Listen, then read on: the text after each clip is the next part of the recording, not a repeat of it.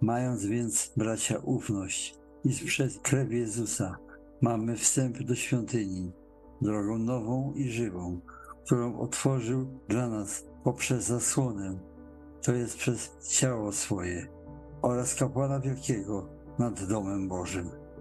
Wejdźmy na nią ze szczerym sercem, w pełni wiary, oczyszczeni w sercach od złego sumienia i obmyci na ciele wodą czystą. Trzymajmy się niewzruszenie nadziei, którą wyznajemy, bo wierny jest ten, który dał obietnicę.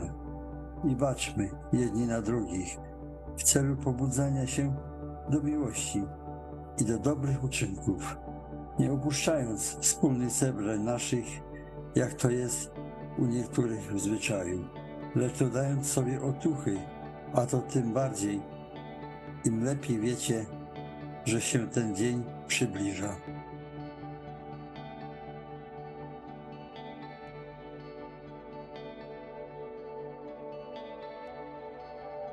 Błogosławiony mąż, który w Panu pokłada nadzieję swoją i nie zwraca się do wyniosłych, ani do uwikłanych w kłamstwie